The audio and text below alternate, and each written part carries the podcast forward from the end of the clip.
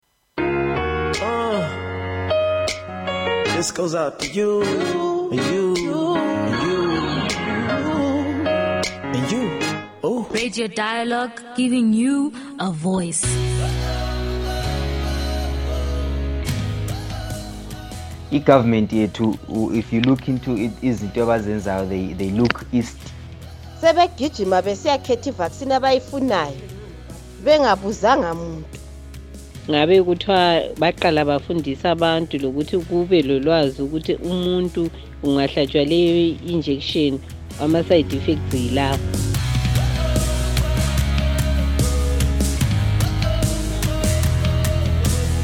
radio dialogue podcast show ke yilo uhlelo ke ngikuphathele lona ke namhlanje koluzwa ke ukhona ungakhohlwa phela ukwabelana labanye ke ukuthi ke i-radio dialog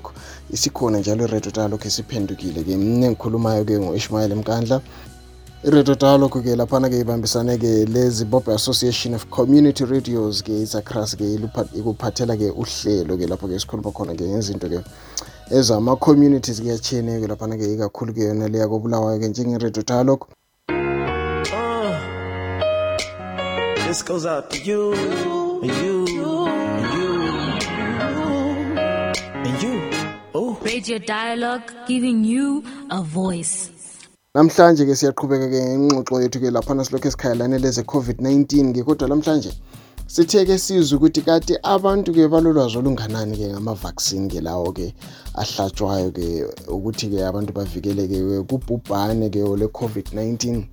ngakho-ke ke yiyo-ke indaba ke esigxile kuyo kakhulu um okwakhathesi-ke lawo nxa ulakho-ke olakho ofuna ukuthi-ke wabelane lathi-ke ngakho-ke ulakho ukuxhumana lathi-ke laphana-ke kuma-social media networks kufacebook ke radio dialogue shortwave ke kutwitter at radio dialogue revived ke yizo-ke indlela ke ungathintana lathi ngazo-ke ulakho futhi ukuthumela-ke i-voice note yakho-ke 0773 284598 yiyo inumber-ke ye-whatsapp ungathumela kiyo-ke umbono wakho ahle isizwe-ke uthabaya bathini-ke amavaccine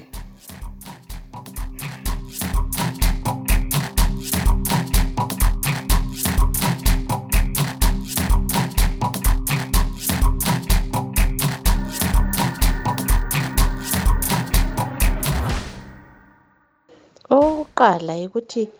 ivaccine yakhona ingaphi abantu bayayifuna ivaccine abanengi engibabonayo phandle la kodwa they have to scramble ukuthi bescramblela amadozi angu-50 iluveve yonke labantu over 5000 two kanti vele kuvele kwakhethwa njani ivaccine yona leyi ngoba thina sezwa kuphela kuthiwa sokubuthelelwe 70 million dollars to buy a vaccine sebegijima besiyakhetha ivaccine abayifunayo bengabuzanga muntu sokungizisola ukuthi okwabo yikuthanda ukunika abantu imali yona le ivaccine esingayaziyo lokuthi uvele umbani ofuna ivaccine yabantu abasithelela umkhuhlane omubi kangaka sibanika imali yethu bona basigulisa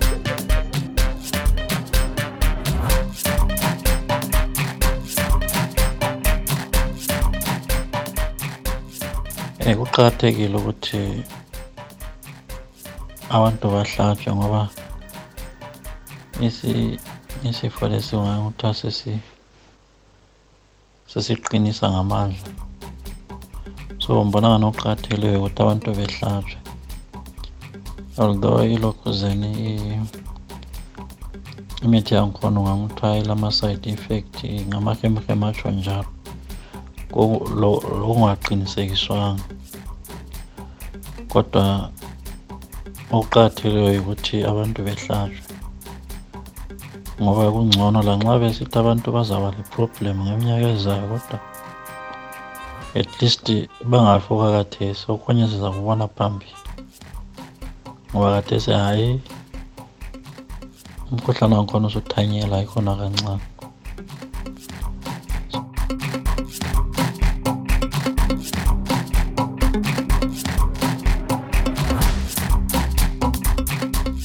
then okunye okukhona about these um,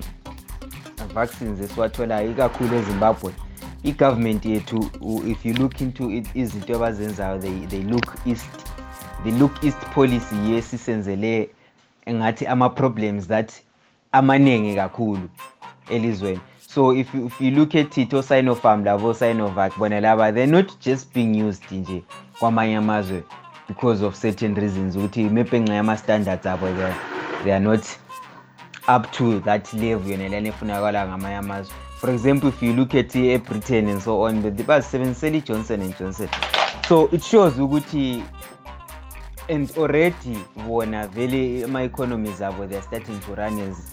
as, as, as, as how they were before theyare trying to, to, to go back to istage ababevele bekiso but thina ngapha ngabo sinofarm and sinovak bethu ama-cases theyare rising abantu they are vaccinating each and every day so you wonder ukuthi why do we still keep looking to the east why at least that east policy is not even working to us in any way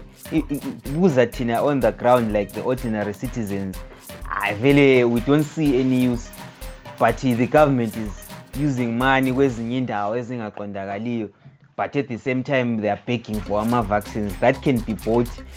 ngezimali because izimbabwe is rich ngama-minerals imali esilazo ziningi kakhulu as a country but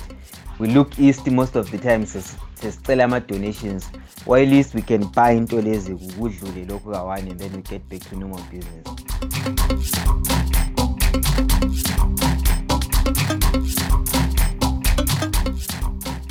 ungananzelela ke ilizwe lezimbabwe likhanye ke ngelinye lamazwe ke ahamba phambili ke laphana emva kokuthi ke abantu ke abangadlula ke 1 million sebehlatshiwe ke i-vaccine ke e-sinofarm le-sinovac uh, kathesi ke uhulumende ke wezimbabwe ke uphakathi kohlelo ke lokuhlaba abantu ke ivaccine ke ngelanga ke bathi bahlaba abantu abangafika ke 33000 yilo ke inani ke yabenelisayo kodwa ke abantu balokusola kakhulu ke ngoba ke bafika bebuthana ke endaweni ke ezokuhlaba ke ivaccine ke kucina ke sokulokuphithizela sokulokuxokozela ke okuyizinto ke ezivele zingafunakali ikakhulu ngalesi sikhathi ke siphakathi ke komkhuhlane lo omkhulu kangaka Uh, siqhubekela phambili ke silokhu sisizwa ke imbono yabantu ke ngevaccine eh abantu ke ngani ke kusadingeka ukuthi bafundiswe kabanzi ngale vaccine ukuthi kati yona inceda ngani njalo inceda bani njalo ke ivele yenziwe njani ke singakuthi ke ngesilungu yi research Radio Dialogue, Community Radio Station. Radio Dialogue, giving you a voice.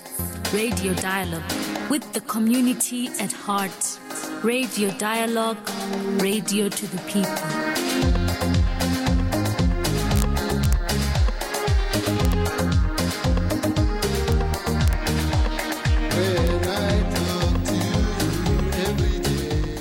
indaba yevaccine leyi mina ngilalwazi layo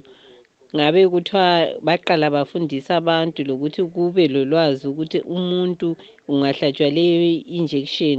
ama-side effects yilawo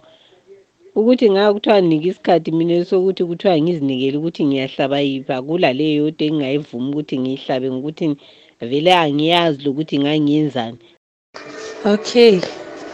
mayelana ngevaccine ivaccine siyayibona siyayizwa bayayihlaba njengoba singeze singalwalwazi olubanzi kangako especially for mina vele ngiyazi ukuthi ngani engikutholayo zozo kuthiwa ngapha iyalibulala after two years ke kwathini kwathini on the other hand uyesaba on the other hand kuthiwe khona iyakuvikela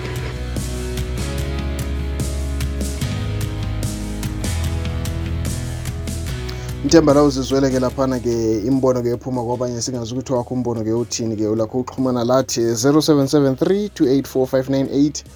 iyo-ke inamba yewhatsapp bese kusithi-ke uyathintana lathi-ke